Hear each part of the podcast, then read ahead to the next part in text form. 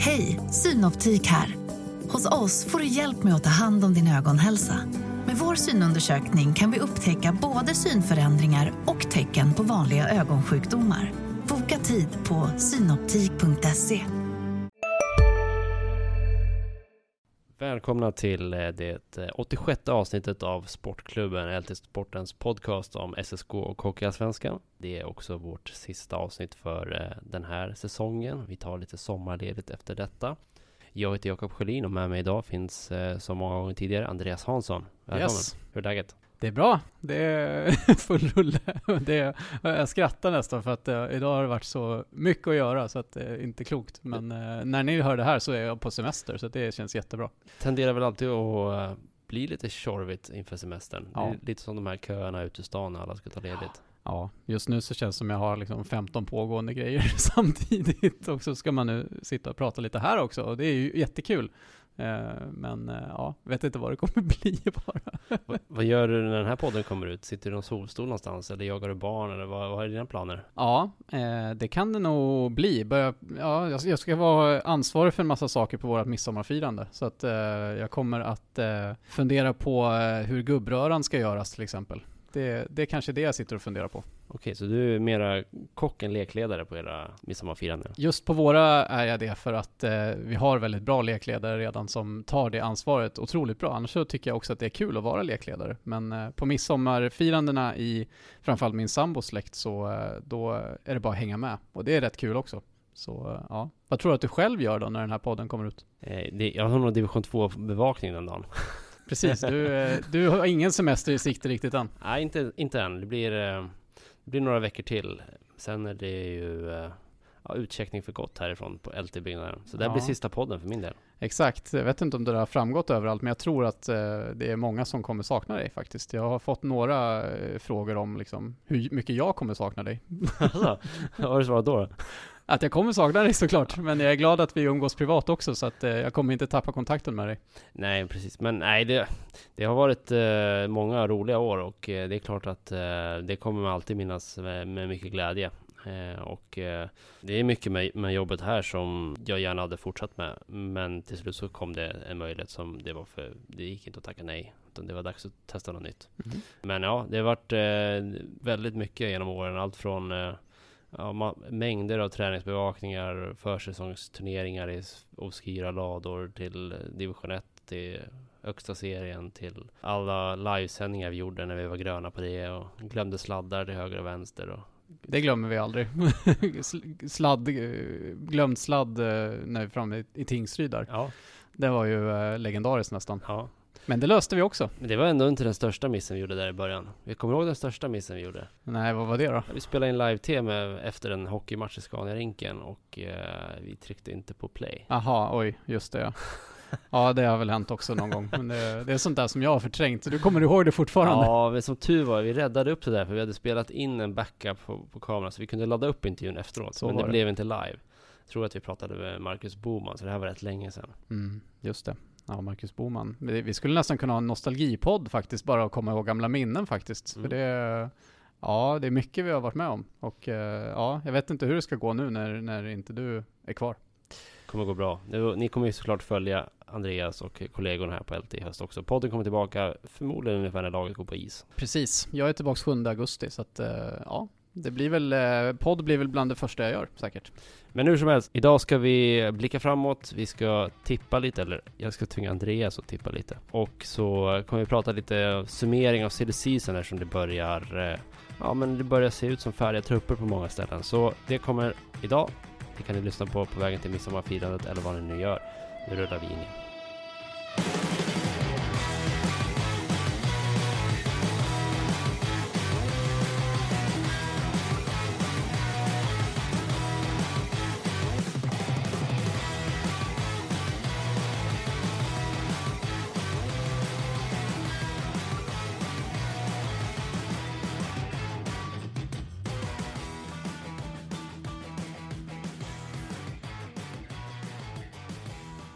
vi börjar med det som ligger oss eh, närmast hjärtat tänkte jag säga, men i alla fall det vi arbetar med till, till vardags. Eh, vi börjar med SSK så får vi titta ut mot ligan i övrigt på slutet.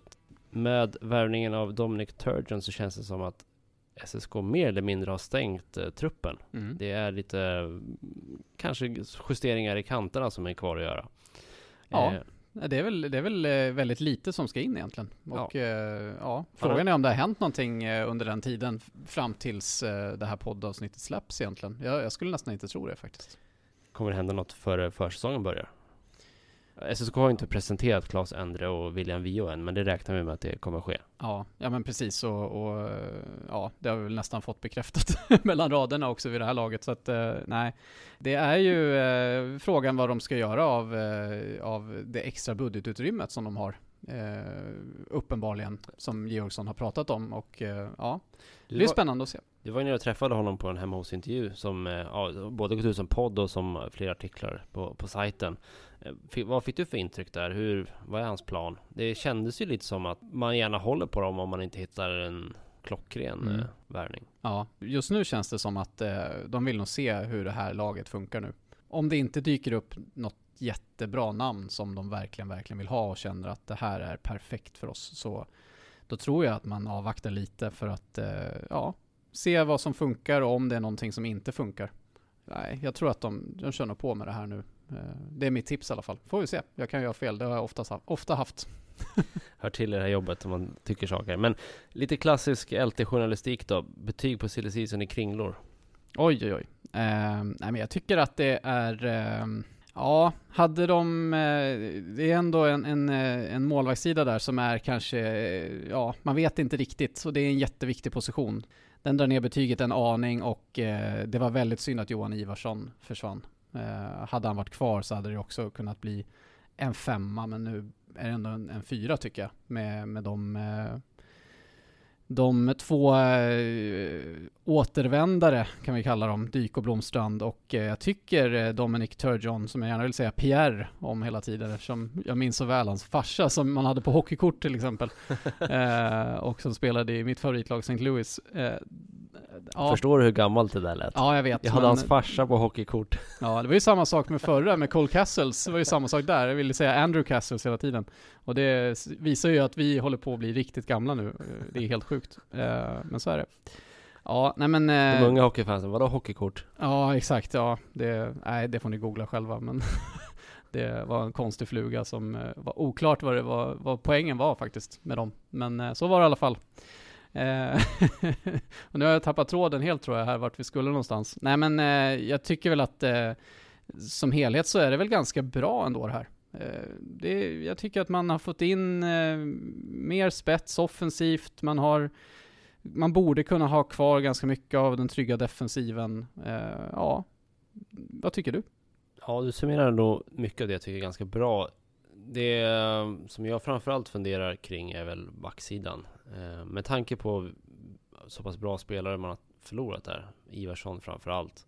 Det gör mig lite osäker på om man klarar av att ersätta dem. Blir det lika bra så har man ju en av seriens absolut bästa backsidor. Det var det som man hade förra säsongen. Och det är en ganska hög nivå att nå till år efter år. Det är möjligt att det blir lika bra, bara att det ser lite annorlunda ut. Men där finns det lite fallhöjd kan jag tycka. Behöver nog få en, en VT Vainio som är, gör sig själv rättvisa och är hel. De behöver att Olli Vainio är eh, kapabel ersättare till, eh, till Ivarsson i tvåvägsspelet. Och de behöver få ut mer av Julius Bergman än det han visade under fjolåret. Eller att Henrik Malmström tar stora kliv och blir Mm. liksom ja, e- egentligen de- de facto ersättaren till Lang. Det är väl där som jag tycker, som, och som du är inne på, målvakten, svårt att bedöma vad, vad Charles går för. Eh, för det är han som det kommer stå för alla med. Men jag tycker också det är intressant, för jag noterar att Bogren nämnde det när du hade honom här i podden, att eh, målvakten är ju till stor del en produkt av försvaret och kollektivet framför honom. Och kan SSK sätta de grunderna, då har ju målvakten ganska bra förutsättningar att prestera. Mm. Även om det såklart också kan sprida oro i ett försvar om en målvakt gör missar som man inte borde. Så det, allt det där hänger ihop. Eh, men jag, jag håller med i stort att det är lite osäkert. Det hade varit mera... Det hade känts tryggare att ta, eh, in, ta in en målvakt som hade varit några säsonger i SHL eller i Hockeyallsvenskan som man hade mer nära till hands. Men vi har ju också sett förut hur eh, målvakter kommer hit och lyckas.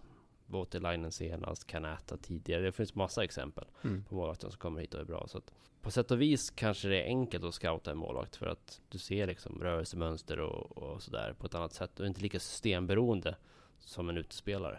Utan de har sin roll. Jag kan ju tycka att eh, dels så känns det lite tryggare när man ändå tog in Claes Endre eller att man kommer eh, ta in honom. Det är ändå inte någon helt orutinerad färsk målvakt som man har bredvid. Så man sätter på sätt och vis inte allt på ett kort riktigt med Thomas Scholl.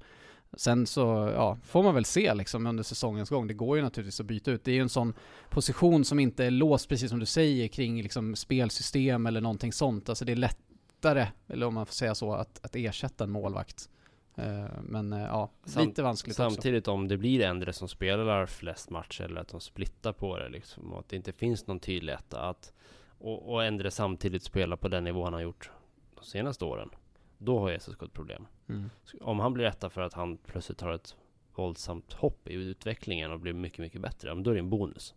Ja men det håller jag med om. Men om, om han blir etta för att Scholl inte håller och han inte spelar särskilt mycket bättre än tidigare, då är det en svag punkt. Mm. Ja men så, det kan jag köpa. Och, och det här är ju då ur perspektivet att man ska vara ett topp 4-lag eller topp top 5-lag. Liksom. Mm. Det, Ja, där det måste, det måste lägga ribban. Absolut, Ja. och det, det gör de ju. Så Ja. att eh, absolut, det, det kan vi alla eh, förvänta oss av dem. Så eh, ja, men absolut. Det, ja, det, är- man kan väl se kanske ett scenario att Endre överraskar och blir bättre, att han konkurrerar ut Scholl och utan att Scholl är dålig med, nödvändigtvis egentligen. Men eh, ja, svårt att veta. Det, det känns eh, som den positionen som är mest osäker just nu. Men annars så tycker jag, alltså backsidan, visst, man har tappat en del spelare, men Ludvig Jansson ah, jag vet inte om han var så bärande eller bidrog med så mycket. Och Viktor Lang, ja, lite elakt defensivt, kunde sätta stopp bra och, och så, men det är någonting som borde gå att ersätta också kan jag tycka. Ja, Eh, men det är ju Ivarsson. ja, det är Ivarsson hade ju hela paketet. Ja, Och eh, han kunde göra allt det där. det är, som att, det är inte riktigt, men nästan som att tappa Videll framåt. Ja, men, ja, ja, men absolut. Alltså, du får ju, det, är ju, det är ju en väldigt eh, trygg back som, som du kan skicka in i alla lägen. Nu blir det lite sådär att, eh, ja, ska vi skicka in Veti Vainio för att vara kreativ och Olli Vainio för att kanske täppa till lite mer. Men det, du, är det någon av dem som har hela paketet? Nej, antagligen inte. Och eh, ja, Viktor Gran kanske har det, men eh, ja, det kanske finns en, en Ivarsson-utveckling i honom, men det kan man nog inte förvänta sig heller, för Ivarsson var en, en, nästan som en sensation sett till förväntningar i förväg att, eh, att han skulle vara så, så drivande i spelet som han var och, och ta det ansvaret i spelet. Att vara så viktig för laget. Men, och sen kommer ju han till Södertälje i ett helt annat skede av sin karriär. Mer färdig, varit på högsta nivå flera säsonger eh, i bra klubbar. Medan Gran är snarare på väg uppåt. Mm. Så är det ju. Så det, det är ju är också en skillnad. Det är lättare att kliva in och prestera som en ledare istället då. Mm. Ja, det är ju ingen av de här, det är möjligtvis Olli Vainio som har de meriterna av eh, rutin. Mm. Mm, Eller med rutin. Så ja, vi får se. Och Julius Ber- Bergman känns ju som vi sa en, lite av en joker i, i sammanhanget här eftersom han ändå varit på väldigt hög nivå. Eh, men verkar ha kört fast lite.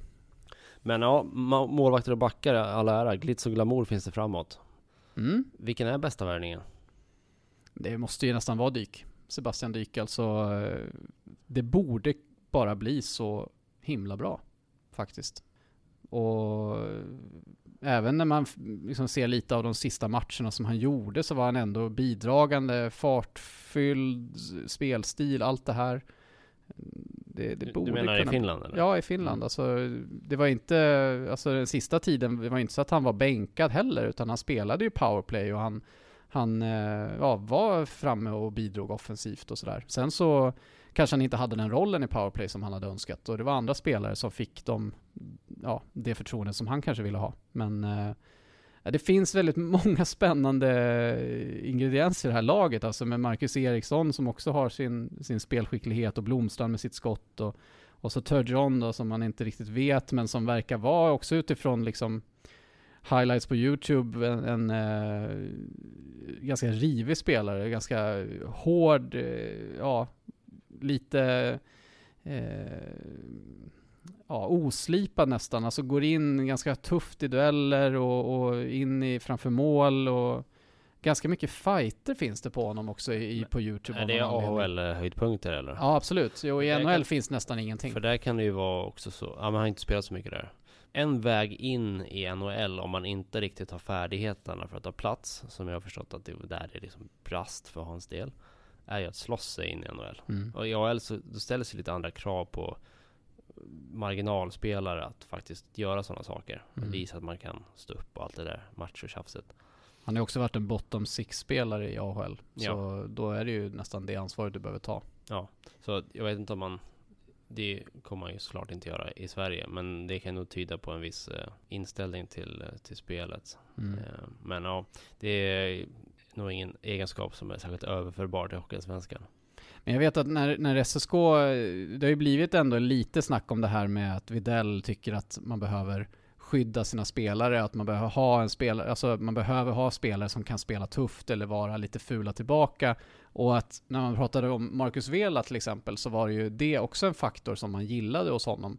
Att han hade lite den sidan utan att eh, vara en, alltså jag har ju pratat med Georgsson om det här, jag har faktiskt inte skrivit ut det någon gång. Eh, det kanske inte kommer ut heller, men eh, Eh, just att ja, man kan inte ha en spelare i laget som bara är en buse. Bing, utan, bingo. Ja, nej det funkar ju inte. Men du kanske måste ha en, ja men säg som Marcus Vela eller som Dominic Turgeon som ändå har den sidan eller har den erfarenheten på något sätt att kunna om det behövs eller som, ja, man vill ju, ja, det här med slagsmål är ju en verkligen vattendelare och som man verkligen kan ifrågasätta i hockeyn, men ja, om man ändå vill ha den eh, ja, ska man kalla det kompetens eller den, eh, den sidan av spelet i truppen. Så, ja, du skakar på huvudet till och med. Helt, säga, helt ointressant. Ja, jo, fast ja, det verkar ju nästan som att det behövs emellanåt ändå. Alltså när inte, eh, ja, alltså någonstans måste man ju ge tillbaka ifall de jagar en spelare i ens lag, tänker jag. Alltså då måste man ju kunna göra någonting för att få stopp på det innan, om det leder till en skada, vilket det ju gjorde i Widells fall. Det är så himla bakvänt. Man, man pratar om att man ska motverka att sånt händer, men det handlar alltid om efterslängarna. Alltså, man kommer alltid efteråt, efter en tackling och ska ge igen. Då har det redan hänt. Du har inte skyddat någon. Alltså om SSK hade haft en polis, eller vad man brukar kalla det, och som hade kommit efter eh, Niederbach efter tackling på Videll Widell hade ju fortfarande varit skadad. Så är det ju, men skador är ju också en del av sporten. Så att det, alltså, det, det är ju så, sånt man får ta, men man vill kanske att, eh, att motståndarna på något sätt ska undvika att gå hårt åt en spelare eller att man ska på något sätt kunna markera mot motståndarna som om SSK nu hade kunnat markera mot någon av Djurgårdens stjärnor till exempel men, eller i Modos stjärnor men, i de matcherna. Men har det någonsin fungerat så att, att folk har avhållit sig från att spela fult om man har de tendenserna eller spela fysiskt för att man vet att man, någon kanske kommer vilja bråka? Det är ju jättesvårt för dig och mig att, att veta om det har hänt. Men jag, eftersom det verkar vara en grej som folk pratar om så an, antar jag att det ändå finns någonting där Om du tittar på NHL, när det var som mest slagsmål och som mest fula tacklingar, det var ju när det fanns drösvis av poliser i ligan. Ja, vilket... Fighting har ju i princip försvunnit där när de har ett lönetak att förhålla sig till och måste liksom se till att de som är i laget tillför något för den budget de tar upp. Mm, och att det är renare spel idag. Ja. Så att eh, de och behövs menar, kanske inte på samma vad sätt. Vad är vitsen med, med slagskämpar i Sverige när du säger ja du slåss, varsågod duscha. Mm. Men det är lite det som jag försökte också komma in på att ja, man vill inte ha en spelare som, som bara är en buse utan Nej. då kanske man vill ha en spelare som kan dela ut små eh, grejer eller som man vet kanske har förmågan att eh, trashtalka eller på något sätt eh, ge tillbaka eller markera eller någonting gentemot det andra lagets stjärnspelare. Men jag är helt för att man behöver ha spelare som kan spela med fys fysik och ha en fysisk edge eh, dela ut tacklingar och vinna dueller och liksom, ja men trycka ner det andra laget på det sättet. Men det är ju en helt annan femma än att prata om någon som slänger handskar. Ja, nej men absolut. Alltså, är... En Sam Bitten har inget liksom existensberättigande i topplag. ja, nej, men, nej. nej. den spelartypen, det är, helt, det är helt poänglöst. Tillför inget till spelet och drar på sig utvisningsminuter. What's the point? Men om vi bara, utan att vi lägger in våra egna värderingar eller vad vi tycker i det här, så, så kan vi bara konstatera att i, inom SSK så hade man ändå en diskussion om ja. det här och att där ville man ändå kanske få in någon form av, kalla det vad du vill, fysik eller rivighet eller ja, mm. kalla det vad du vill. det har man ändå fått här, tror jag, i Dominic Turgeon. Ja, Blomstrand också kan dela ut proppar. Mm, ja men visst. Och, och jag vet inte, jag har inte fått det uttalat till mig liksom så ordagrant, men, men jag skulle tro att det ändå är en, någonting som man tyckte var en bristvara förra säsongen i truppen. Att man ville ha någonting sånt här i laget till den kommande säsongen. Eh, och nu, ja, alltså Dominic Turgeon är ju inte här i laget för att slåss. Nej, det får man ju hoppas. Nej men verkligen inte. Och det, det, är han ju inte såklart. Och eh, det är väl lite det man är ute efter, precis som att man tyckte i Modo att Marcus Vela var väldigt, väldigt nyttig. Och det var ju inte för att han kastade handskarna, det vet jag inte hur många gånger han gjorde, men det var nog inte många som han var inblandad i rena slagsmål i slutspelet. Men han var väldigt nyttig på andra sätt med ja, allt som... Slutspelshockeyn är ju liksom ett... Också det här man snackar om att det byter karaktär i spelet och att det blir någonting annat. Att man måste ha spelare som, som klarar av det spelet också. Och det, ja, jag tror att de eh, ser lite av det i Dominic Turgeon i alla fall. Mm. Men eh, ja, vi får väl se. Det är i alla fall eh, någonting jag tror de tyckte var en bristvara. Och eh, jag vet inte, alltså ingen i fjärde, alltså Emil Alba, eh, Bjerselius Dahlström, alltså de kan ju tackla men de, jag vet inte hur mycket de är slutspelsspelare på det sättet. Att de eh, liksom kliver fram och eh, nästan eh, blir jobbiga, elaka, otäcka för motståndarna att möta på det sättet. Jag tycker ändå de har visat att i viktiga lägen så, så kan de vara de spelarna. I, i, i jag tänker framförallt på vad Alba och, och Dahlström gjorde i kvalet mot Troja. Det är ju typ ett slutspel. Visserligen mot sämre lag, men eh, jag tror de kan göra ett jobb för, för Södertälje. Mm. Ja, ja de, de, bidrog ju väldigt mycket till, till spelet i alla fall. Sen är det inte de som kommer avgöra matcher, men de kommer ju kunna nöta på motståndet. Mm. Ja. ja, det är också starkt att ha den tredje kedjan som jag tror att man kommer ha med, med Liljegren, Liljevall och Emil Alba. Det, den, det känns som en bra tredje kedja. Det, det är Liljegren, eller alla de där kan ju göra en hel del mål också. Mm. Så det, de var väl någon form av andra kedja kanske den senaste säsongen. Så att, Vad ja. tycker du är frågetecknet i den här truppen? Ja, men det är vi varit inne på då att det är väl eh, Thomas Scholl trots allt, målvakten. Att eh, eh SSK pratar om att man har eh, bara positiva referenser, men jag har ändå fått några, referen eller några synpunkter från eh, folk som verkar i Österrike som tycker att ja, det finns kanske vissa tveksamheter där och ja, han behöver slipas till lite grann och, och ja, han är, han är lite mer svårbedömd. Och jag, jag, utifrån vad jag hör så är det ju som att han och Claes Endre påminner ganska mycket om varandra. Att det är väldigt rörliga, liksom, de är lite eh, överallt och, och ja, kan göra väldigt snygga räddningar men de släpper också mycket returer och ja, kan vara lite, ja, inte inge det här lugna, eh, lugna rörelser och stor i målet som Nikita Tolopilo var till exempel. Så ja, vi får se. Jag, man blir ju väldigt spänd i alla fall på att se den här Thomas Scholl. Han var i alla fall eh, supertrevlig att snacka med och verkade supertaggad på det här också. Så mm. att, eh, eh, det, det, är väl det också. Det är inga trötta spelare i den här truppen tror jag. Eh, det känns som att alla har motivationen på något sätt att, eh, ja, att vilja göra det bästa av det. Man har liksom någonting att tjäna på det. Det ser lovande ut på så sätt också. Där finns det väldigt lite frågetecken, även om man har bevisat sig över lång tid nu. Marcus Eriksson i en annan miljö än Vita Hästen. Större klubb, kommer inte vara liksom största fisken i, i bassängen.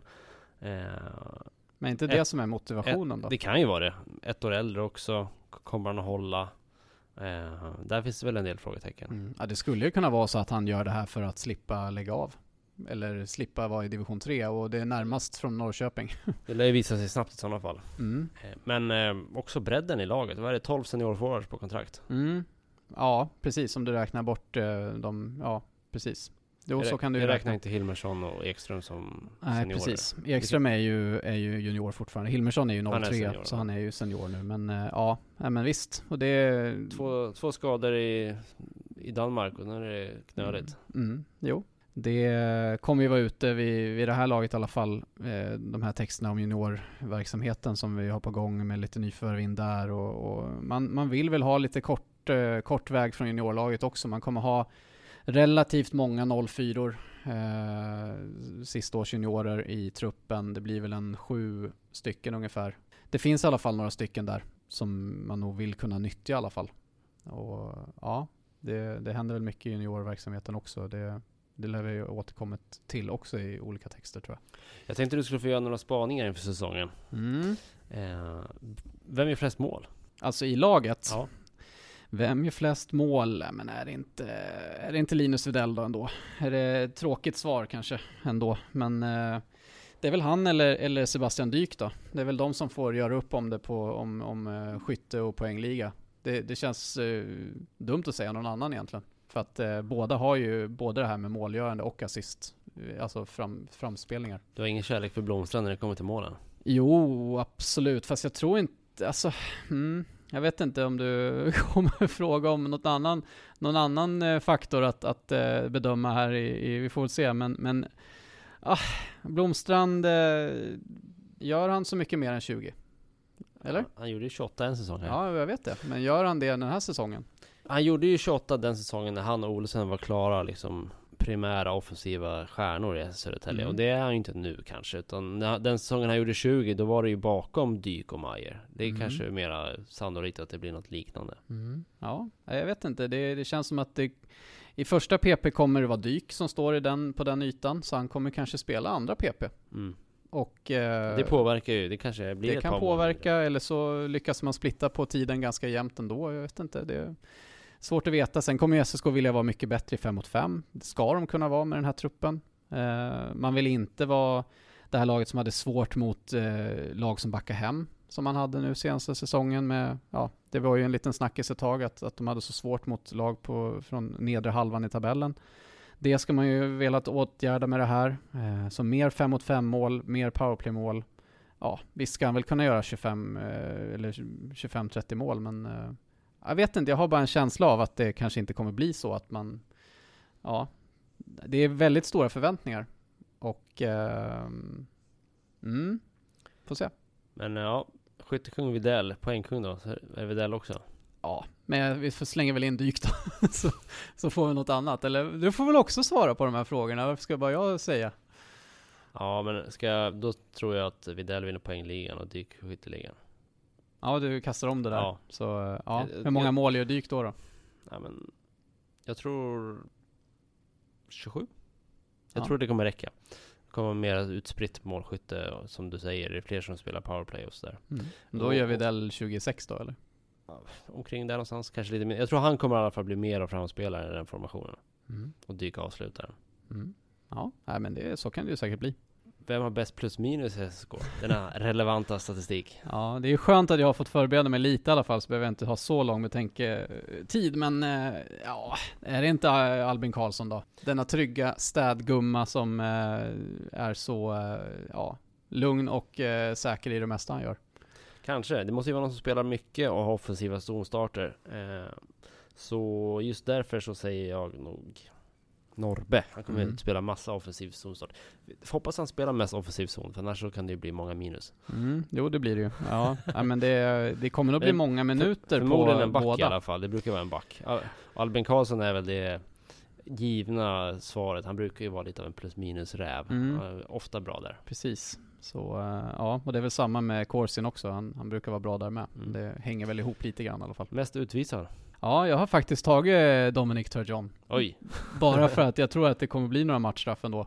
Men eh, det är bara en känsla. Jag hoppas ju inte, för att det, det jag hoppas att han är eh, inte den typen egentligen. Men eh, det är nog alla, alla fighting-klipp som finns på YouTube som eh, drar mig dit. Så det räcker ju ganska långt med en, eh, alltså två matchstraff så är du uppe på 50 minuter och då, då vinner du nog den kategorin faktiskt. Japp. och två matchstraff, det, det, har han nog i sig faktiskt tror jag. Ja, vi får se. Kanske dröjer lite längre än Lindsey Sparks gjorde med att lösa det första. ja, det var inte den typen av matchstraff du kanske önskar heller om du nu vill ha någon. Men jag, jag tänker att vi kommer naturligtvis prata med, med Dominic Turgeon om det här med... Om regelboken? Ja, att vara, vara lagets polis och alla hans fighter på YouTube. Det, det känns som att något vi, det är något vi måste ta upp när han väl har, har kommit hit. Så, och då kanske han känner press på sig att ta någon fight ibland. Så ja, jag tror på han då. Vem kommer Bogren matcha hårdast? Hej, Ulf Kristersson här.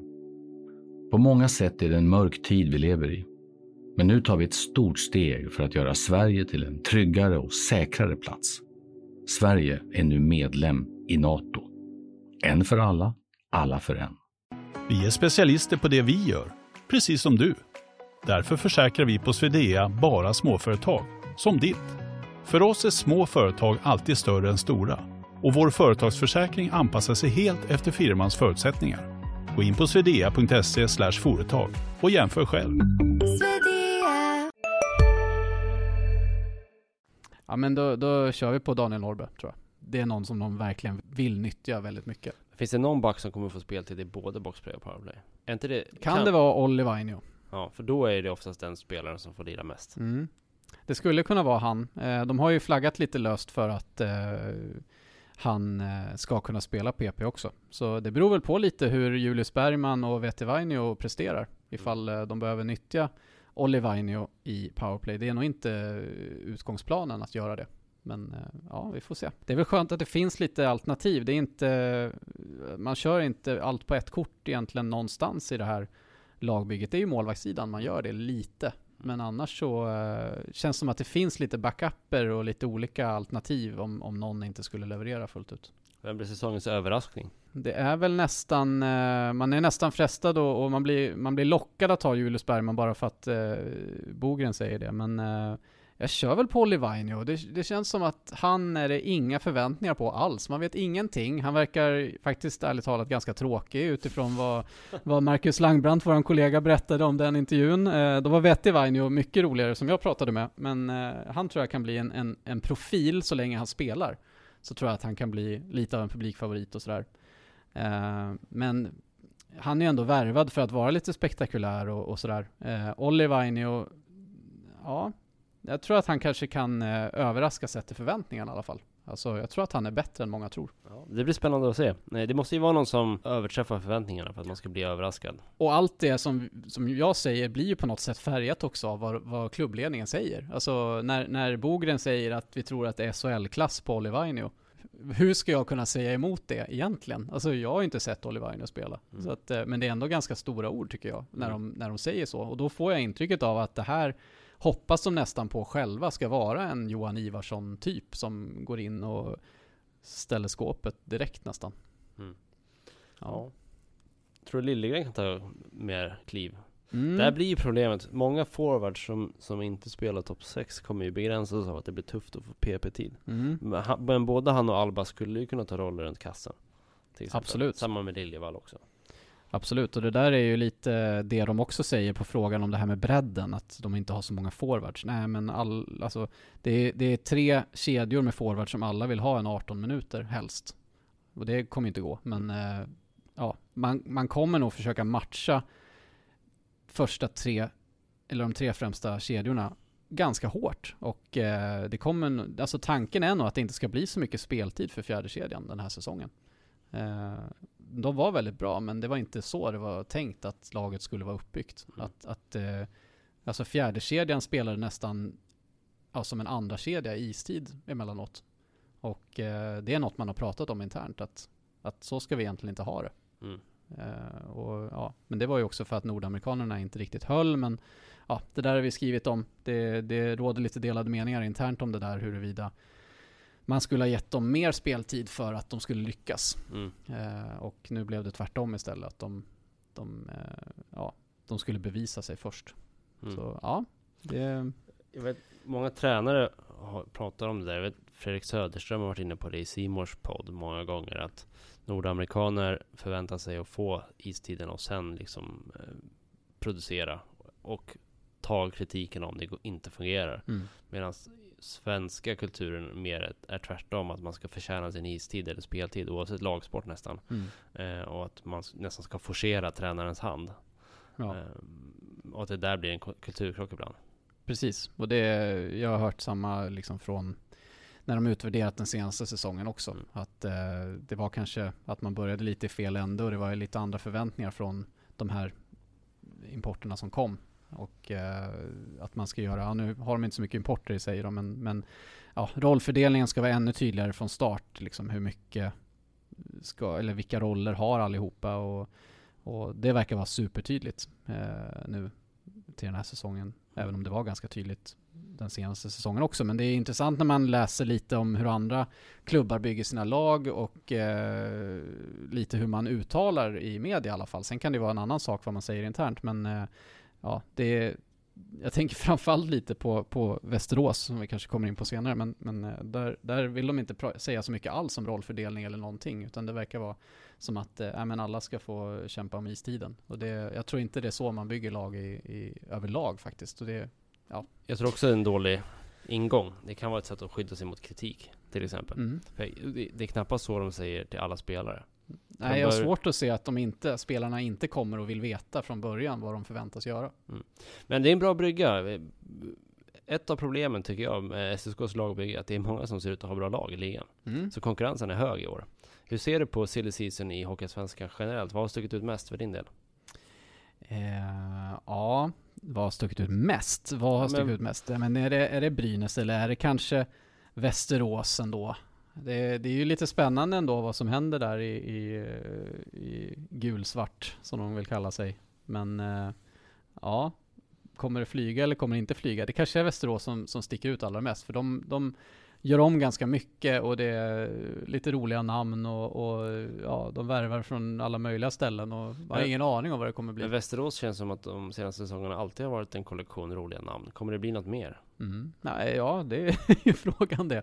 det ja, de, de lassar in rejält på, på vissa spelare och eh, eh, ja, det jättesvårt att veta såklart. Men det, det blir spännande att se hur, hur det blir i alla fall i slutändan. Och ja, det är, det är en ganska stor eh, makeover i alla fall i, i Västerås. Och eh, känns som att det är lite all in där också, just liksom det här vi har pratat om förut i, i podden om eh, hur de eh, sista året på den här SHL-satsningen och, och, större budget och ja, det, det är ny sportchef där, Niklas Johansson, som, som eh, ska leverera på en gång och kanske får de in Patrik Berglund in i truppen. Det verkar ju som att det är många som förväntar sig det i alla fall. Och, och eh, ja, då är det kanske tur att de byter ut många spelare med tanke på vad han kommenterade kring den förra året. Ja, just det. Precis. Han sa, han Vad var det han sa nu? Han sa väl i princip, nu parafraserar jag lite, men alltså Nej, där vill jag inte gå, dit vill jag inte gå för att eh, laget är för dåligt ungefär. Just det, det var så dåligt på träningarna. Han var med och tränade lite och sånt. funderade på comebacka. Och så kom det fram i någon podd, ja. eller hur var det? Ja, det var någons podd, jag minns inte vems. Men vilka är vinnarna på silly season då? Det känns som Brynäs har snott åt sig halva Ja, halva spelarmarknaden. Precis, alltså dels är det ju många förlängningar, så det, det är ju nästan mest förlängningar, men de har ju ändå, eh, alltså Tyler Kelleher kommer ju vara jättebra, säkert, och Tyler Wessel kommer också vara jättebra. Eh, men sen är det ju mycket förlängningar och eh, ja, jag vet inte, vad, vad, känner du liksom över att ja, det är ett lag som åker ur och de eh, ja, allt, med allt vad det innebär och så har man då liksom Simon Bertilsson, Johannes Kinnvall, Anton Rudin, Johan Larsson, Greg Scott, Jakob Blomqvist. Det är liksom riktigt så veteran. Det är veteraner verkligen, eller liksom de ah, ingen av dem känns liksom hockeyallsvenskan egentligen sådär, utan det, det, är mer så här uppstyrd SHL-hockey på något sätt över alla de där liksom. Och ja, hur kommer det vara för dem att få liksom ett eh, hemåtbackande Tingsryd mot sig eller ett eh, hårt forecheckande Västervik typ. Jag mm. vet inte. Ja, nej, det blir en faktor. Byta om med mindre flashiga omklädningsrum och allt det där. Ja, och allting runt omkring såklart mm. också ja. Men, men jag tror hockeyn är lite mera, eh, ja, lite, mis, lite mer spretig i alla fall. Än vad den är i SHL. Jag tycker ändå det känns som att Brynäs, en, om man ska använda har Djurgården och HV som någon slags måttstockar känns det som att de närmare att göra en HV-satsning än en Djurgården-satsning. Mm.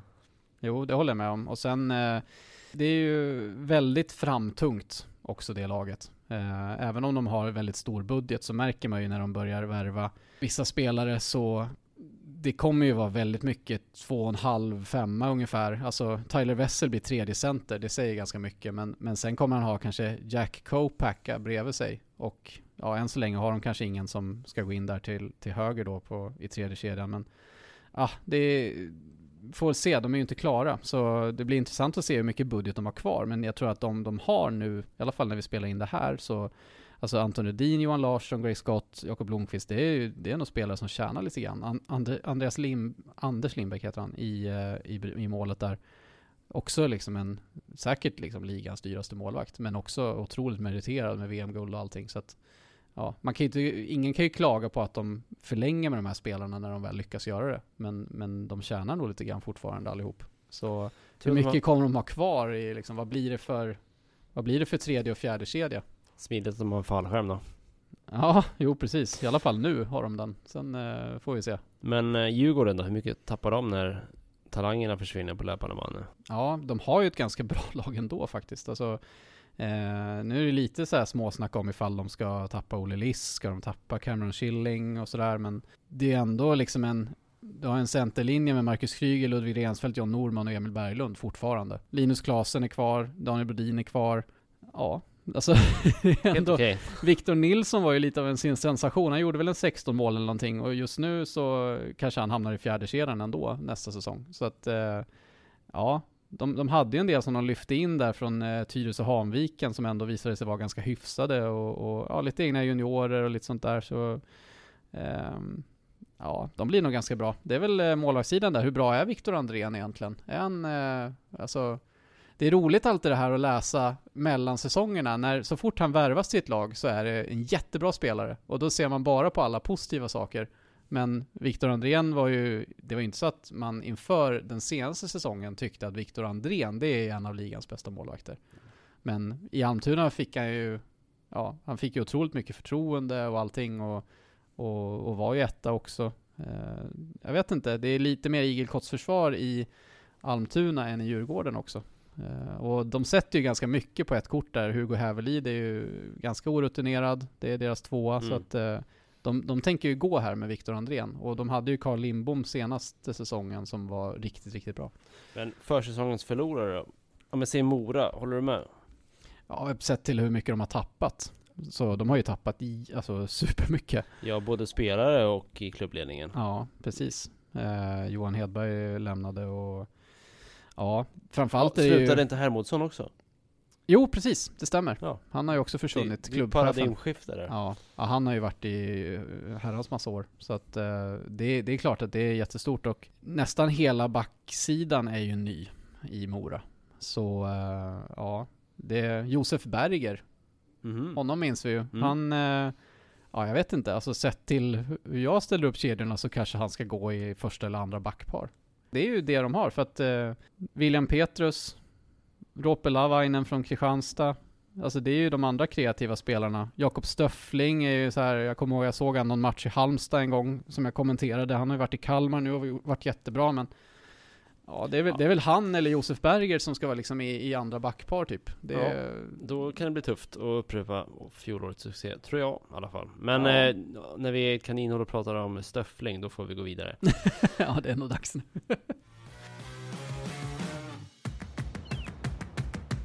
Innan vi slutar så ska du få uh, tippa serien och uh, det, man brukar kalla det ett kamikaze-tips här tidigt. Det är, det är, väl inte riktigt nu när trupperna börjar bli klara, men vi ska ändå uh, ganska tidigt innan vi har sett en enda försäsongsmatch eller ett enda skär så ska vi se om du kan tippa rätt i den här serien. Du ska få ge mig den i sektioner och vi börjar nerifrån.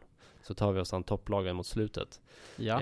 vilka två lag får spela playout? Ja, lite tråkigt, men eh, sett till nu så eh, Västervik och Tingsryd har väldigt lite klart. Framför allt Tingsryd, alltså de, ja jag vet inte. Det är omöjligt att tippa dem högre. De är sist i mitt tips just nu i alla fall. Så in, ingen Nybro, ingen Östersund? Nej. Eh, Almtuna kommer reda ut sina ekonomiska problem? Ja, det återstår väl att se, men det är i alla fall uh, utifrån tabelltipset så är de, i alla fall det som jag har tagit fram nu. Jag vet inte hur mycket jag ska stå fast vid det här nu sen i augusti. Jag vill nog lägga in lite brasklappar du, i alla fall. Du får väl tippa om, Ja, jag får tippa om, det får man göra. Nej men uh, Almtuna är nog precis ovanför uh, negativa kvalstrecket för mig, faktiskt. Vilka åker du? I ingenmansland. Nej, då säger jag Tingsryd just nu. Uff, det är dags våga inte tippa mot Västervik. Ja, fast de har ändå lite mer kontinuitet alltså. Det, I Tingsryd så är det ny tränare, nytt allting och, och, ja, knappt några spelare kvar och Daniel Örn drog till Östersund och alltså de får ju inte behålla någonting. Så att, äh, jag, jag säger Tingsryd. Vi hamnar i ingenmansland. Kristianstad Almtuna har jag där. Uff. Vadå då? Jag bara känner att eh, Nybro flyger högt. Ja, men lite ändå. Men det är väl eh, Tommy Samuelsson-effekten då. Men eh, varför håller du dem så långt ner då? Kristianstad och eh, Almtuna? Ja, framförallt för att Almtuna känns som att de har tappat lite av det bästa.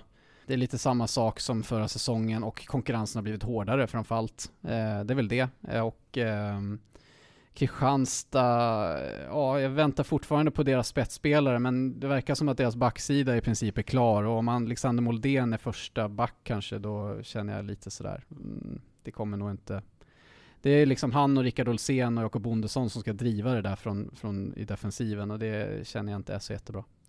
Men du har alltså nykomlingen Nybro till åttondelsfinal? Mm, det har jag faktiskt och det är, ja, alltså, ja, det är ju för att eh, dels så, i alla fall i, i denna stund så är ju Tommy Samuelsson tränare, de kommer ha Tex Williamson i mål troligtvis. Sen så kommer de ha hela sin finska kedja från förra säsongen kvar som ändå är ganska så här meriterad, har varit med i finska ligan eh, många säsonger och sådär, finns lite rutin.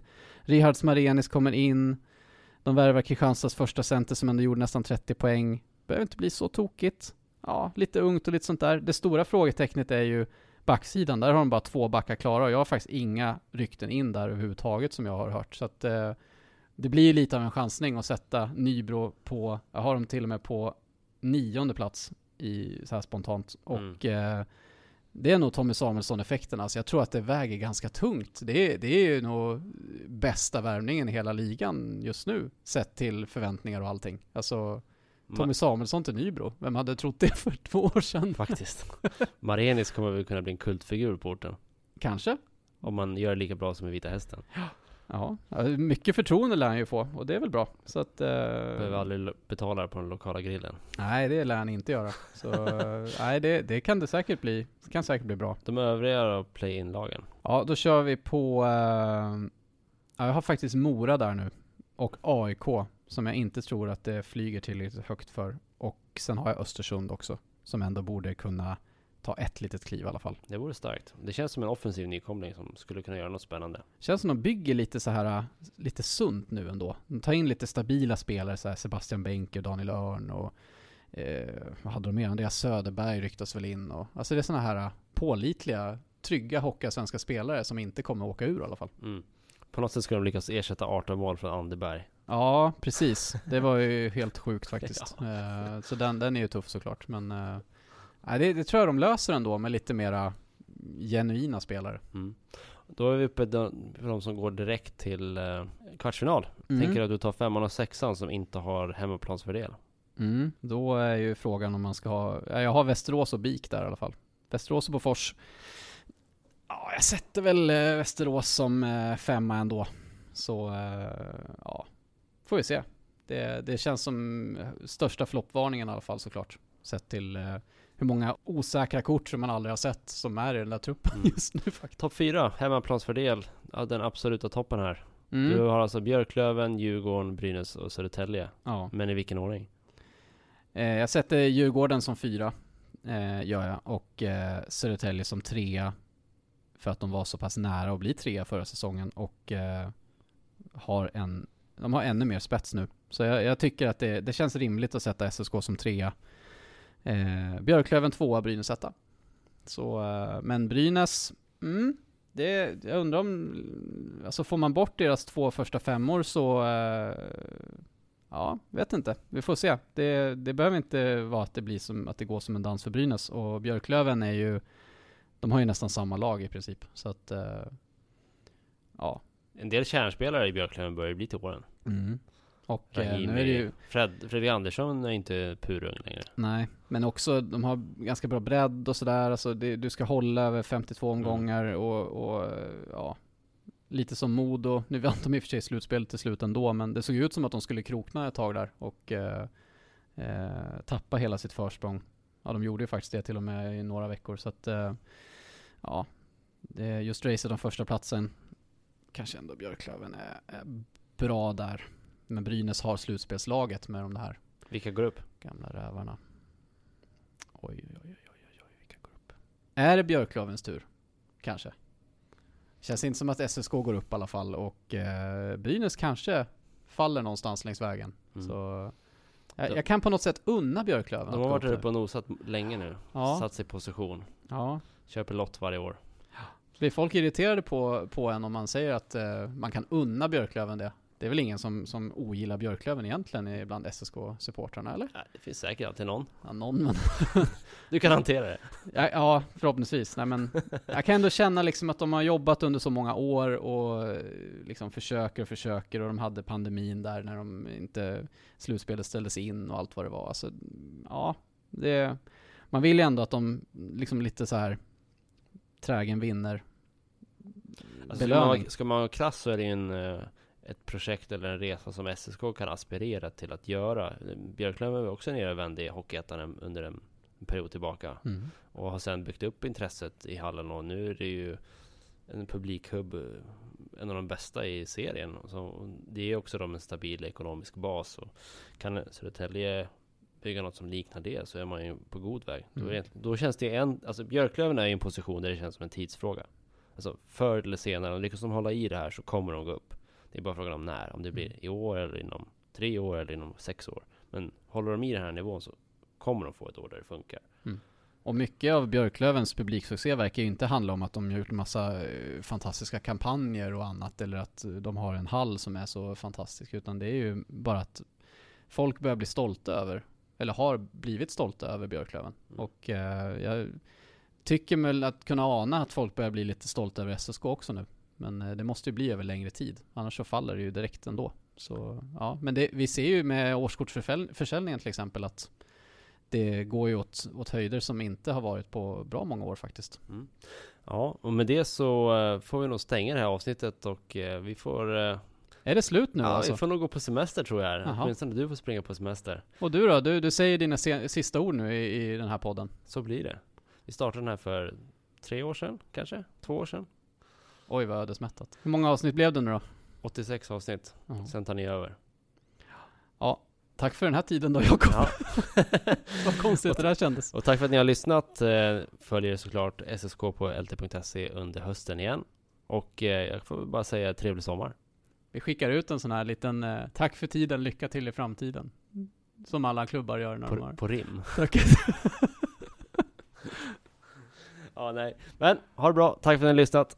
Hej! hej hej.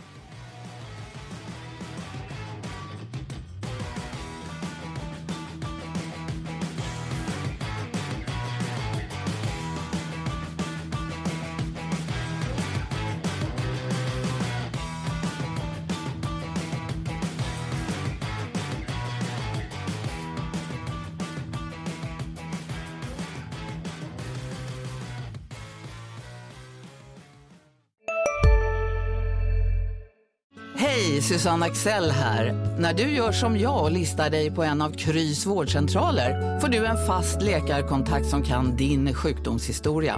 Du får träffa erfarna specialister, tillgång till lättakuten och så kan du chatta med vårdpersonalen.